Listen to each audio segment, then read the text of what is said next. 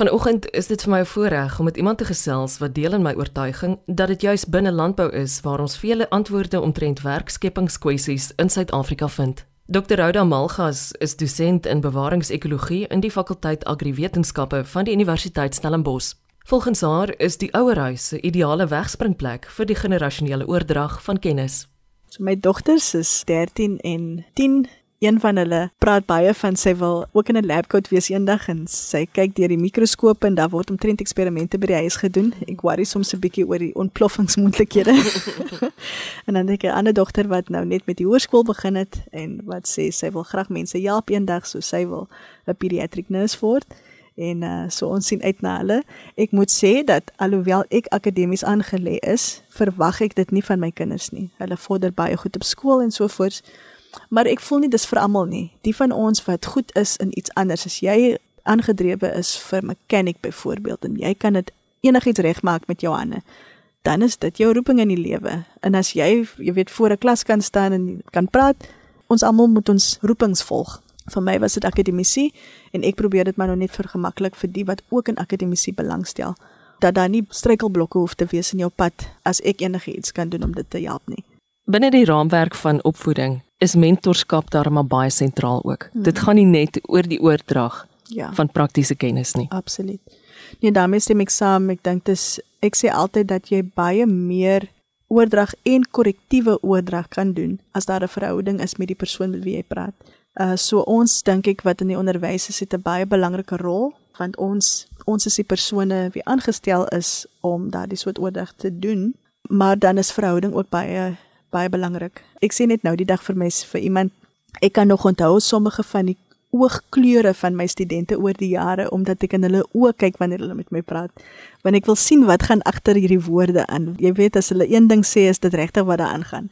So ek kyk in hulle oë en ek dink wat ek daar probeer net sê is dat 'n verhouding met die student belangrik is, met perke natuurlik, maar uh, dit is dan makliker om iets oor te dra en te sê maar jou benadering is dalk so, maar hier is ook 'n ander benadering. En kom ek verduidelik dit vir jou. En ek hou daarvan om daai soort gesprekke in my klas te hê. Hoekom lyk die omgewing soos wat dit lyk? En gewoonlik is die blamos maar o, as die mense in die townships maar nou net nie so ge gelitter het nie. Of o, as die mense met die twee karre in die strandhuise. Iemand blameer altyd die ander persoon.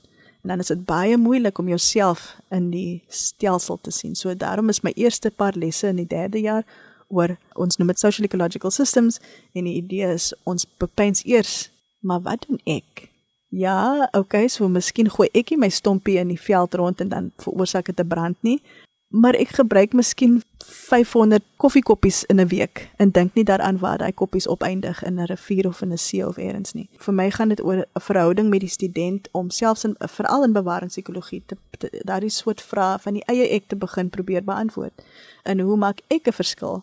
En nie net die verskil om iemand anders te gaan red nie. Dit was nie by byvoorbeeld my poging om die heuningbosboere in Harlem in die Langkloof of in Genadendal in Oeverberg te gaan red nie. Ons is nie redders nie, maar liewer om te kyk om om 'n probleem reg te ontleed. En so dit is die idee. Jy wil die probleem ontleed en soms by jouself te begin dink ek is 'n baie lekker manier om die wetenskap dan aan te spreek.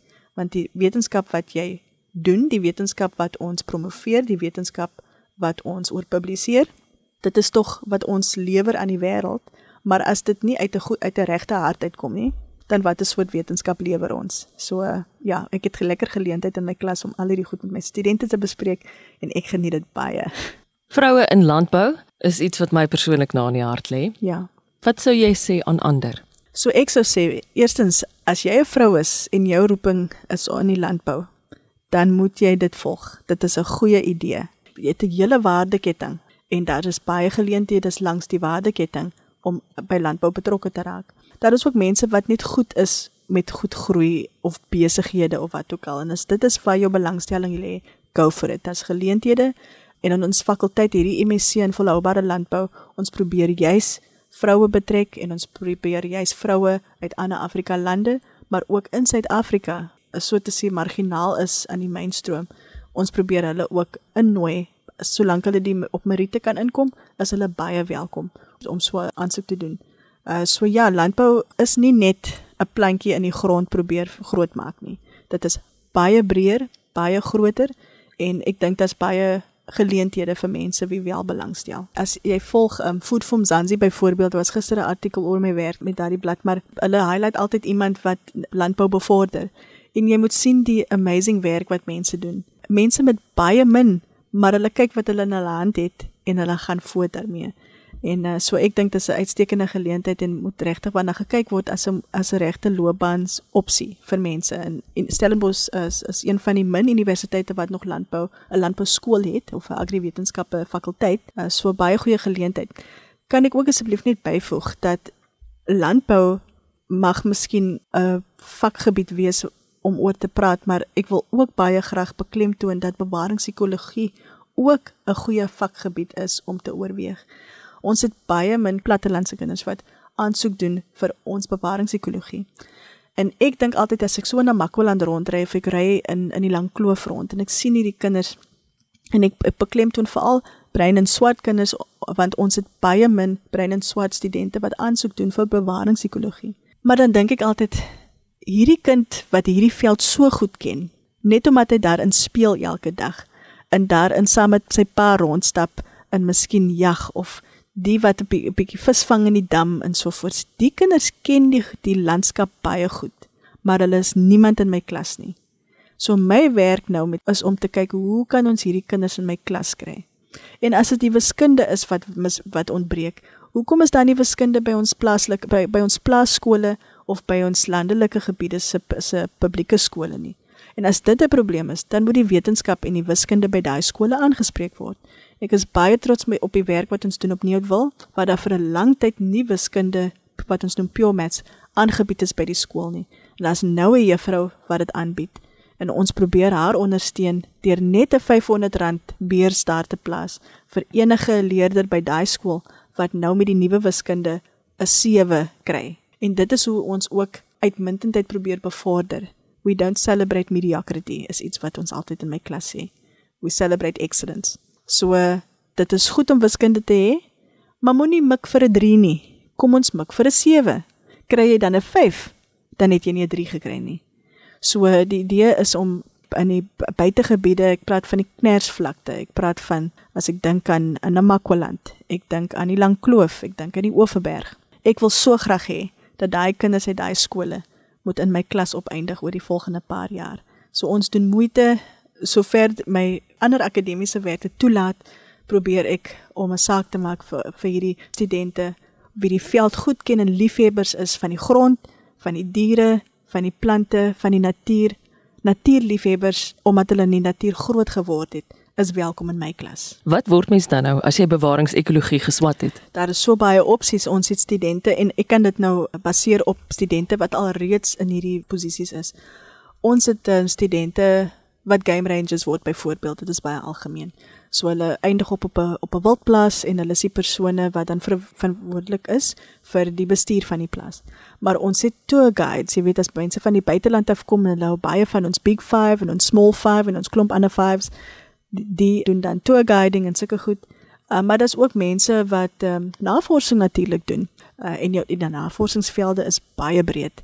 Daar is mense wat opeindig in die regering en wat help om beleid te probeer skryf byvoorbeeld. Of die wat lobby. Jy weet hulle is die mense wat as die as daai party so gesê het oor landbou dan is hulle die mense wat voor met, met data voor in dag kom en sê nee wat ons stem mee saam ons doen dit so. So jy kan 'n aktivis word. Natuurlik kan jy jou eie NGO stig as dit is wat jy wil doen Ons het mense in voedselsekuriteit, species trafficking, oorseese handel met ons veldspesies. Daar is so baie. As ek net dink aan my eie studente oor die jare heen, hulle doen amazing werk en hulle doen dit met passie en met met hulle eie waardes wat hulle so uitleef. En dit is regtig inspirerend om te sien hoe hulle floreer.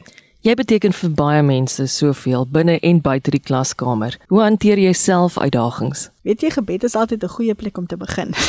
en verder dink ek net as jy baie duidelik is oor sekere riglyne waar dit etiese gedrag byvoorbeeld good governance jy weet ek dink dis iets wat so ontbreek nie net in ons nasionale instansies nie maar dit begin by jouself self governance jy weet hoe, hoe bestuur jy jou eie lewe iemand het nou die dag gesê vir al die besighede wat mense wil stig.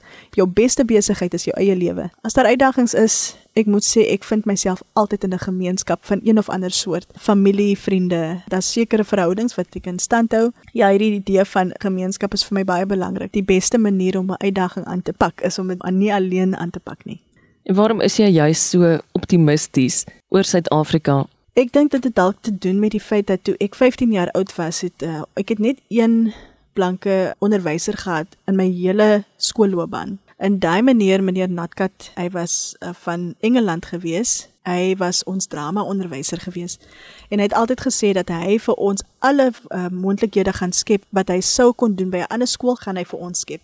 So hy het ons oor see geneem op 15 jarige ouderdom en dit het my hele lewe verander. Dit was 1995. Hy het vir ons lande toe ander lande toe geneem en ek het besef daar's 'n hele ander wêreld daar buite wat glad nie funksioneer soos Suid-Afrika nie. En mense was baie beïndruk met Suid-Afrika daai tyd met Nelson Mandela en so voort. In al die lande waar ons gekom het in daai 2 weke, het mense ons so op die hande gedra net omdat ons Suid-Afrikaans was. En ek het besef dat daai Suid-Afrikaanse storie dra krag. Ek was in Jamaica gewees nou in my maand gewees. Ek dink nie eers baie mense het geweet waar Suid-Afrika is nie, maar toe hulle hoor ons is van die vasteland en dat ons van Suid-Afrika is. Ons is so op die hande gedra. So die brand South Africa dink ek is iets kragtig wat ons nie moet vergeet nie. En ek moet sê daar is 'n uithou vermoë in 'n daar is iets in Suid-Afrika wat ek voel ons kan almal deel wees daarvan en dit is ons kan moed skep. Ja, ons sit met nou op die huidige oomblik met 'n groot krisis met die krag en so voort. Ons het al soveel meer as dit oorkom die afgelope jare. Ek voel dat ons kan dit ook tog oorbrug. En vir my is die eindpunt altyd wat ons ons verhoudings met mekaar. Breek ons mekaar af? Knou ons mekaar af? Kom ons wees opbouend. Ons probeer om dit wat goed is en wat ons in ons hand het te deel met ander. In Suid-Afrika is so baie kulture en een van die groot prinsipe van al die kulture is gemeenskap, saam staan, veg vir 'n ding en doen dit saam maar met goeie verhoudings, regte verbintenisse. En ek dink daar's baie meer wat ons bymekaar bring as wat ons uitmekaar uithou en ons moet baie hard werk aan die goed wat ons van mekaar afhou. Want as ons daai goed kan oorbrug, dan gaan 'n klomp ander goed in plek val, meen ek. Opvoeding vir my kinders is miskien my grootste wens. Natuurlik kan ons almal wens vir meer geld. Ons almal, jy weet, ons voel die knyp van die lewenskoste in Suid-Afrika op die oomblik, maar ek span alles in om vir my kinders 'n uh, geleentheid te kan gee nie sodat hulle die goed wat kan hê wat ek nie gehad het nie. Ek weet daar's baie mense wat dit vir daai rede doen, maar dit is nie my rede nie. Daar is baie goed wat ek gehad het wat ek wel vir my kinders wil hê en ons werk daarna toe, maar daar is baie goed wat ek nie gehad het nie en wat ek dink mag maar kan bly. Ek wil hê my kinders moet daai goed ook kry nie. So ek werk my nie dood sodat hulle weelderig kan lewe eendag nie. Dit is nie waaroor dit gaan nie. Ek wil hê hulle moet ingeskerp wees weer eens om ander te kan help om hulle roeping te vind in die lewe en hulle opvoeding moet van so 'n aard wees dat hulle gereed kan wees. Dit moet hulle gereed maak om dienslewering te doen in hulle samelewing en dit waarna toe hulle geroepe is. En dit is al wat ek wil hê. Ek dink net wat 'n land Suid-Afrika kan wees as ons die opvoeding reg kry. My gedagtes gaan nou terug na die Suid-Bokkeveld toe. As 'n mens praat van volhoubaarheid, hoe dit kan lyk is as jy begin met 'n groepie groot mense wie 'n vraag vra van my as wetenskaplike en ek kan saam met hulle werk om hulle eie kennis te verbreek saam met my eie. En dan wanneer jy oor 20 jaar byvoorbeeld teruggaan en hulle kinders is nou die bestuurder van die plaas wat hulle laat behou bly in die familie. Dit is hoe volhoubaarheid lyk van geslag tot geslag. Die plante, die grond, die eienaarskap, die waardes, die kennis van geslag tot geslag oorgedra. Ek skep baie moed by kleinboere veral. Alle boere, ek dink dit is moeilik om 'n boer te wees, dit is lekker om 'n boer te wees en vir die wat nog kan uithou onder hierdie omstandighede, ons ek haal my hoed vir julle af. Dr. Rhoda Malga se PhD in bewaringsekologie het destyds gefokus op landelike gemeenskappe wat 'n bestaan maak daaruit om inheemse tee vanuit fynbosvelde te oes. Klink gerus vandag saam met my 'n glasie op elke boer, landbounavorser en bewaarder van die aarde wat my en jou kosmandjie volhou en sorg vir toekomsgeleenthede. Daarmee wens ek jou ook 'n wonderlike Saterdag hier in die geselskap van RSG. Ek is Eloise Pretorius. Totsiens.